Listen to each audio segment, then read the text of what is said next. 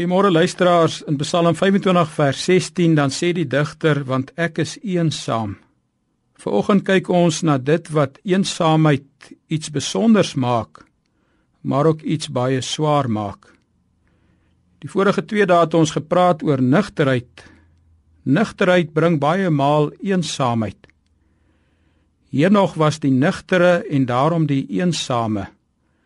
Hy het met God gewandel, net hy net een saam met God. Noag, die prediker van die geregtigheid. Daarom was Noag ook 'n een eensame. Geregtigheid bring eensaamheid. Abraham word ook 'n een eensame.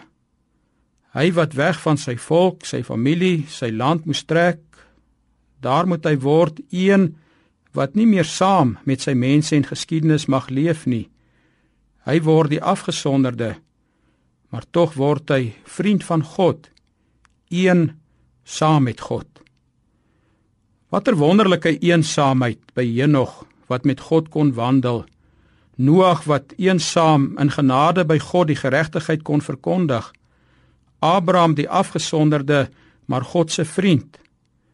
Moses in die woestyn van Midian, die eensame, maar die eensame uit die woestyn word na die berg, na die berg van God gelei.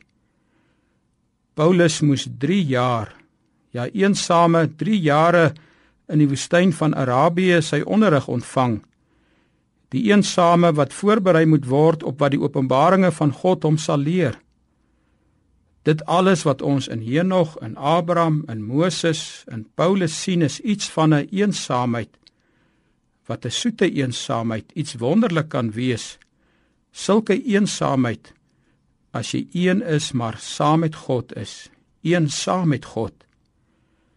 As jy eensaamheid dalk vir hierdie dag te veel mag voel, bittere alleenheid, mag die positiewe van om een saam met God te wees wel u dag en u lewe in beweeg. Onse Vader, ons besef op hierdie dag is daar ook so baie eensame mense. Maar mag U gee dat ons werklik ook die voordeel hiervan sal sien om ook dan een saam met u te wees. Dit vra ons van u in Jesus se naam. Amen.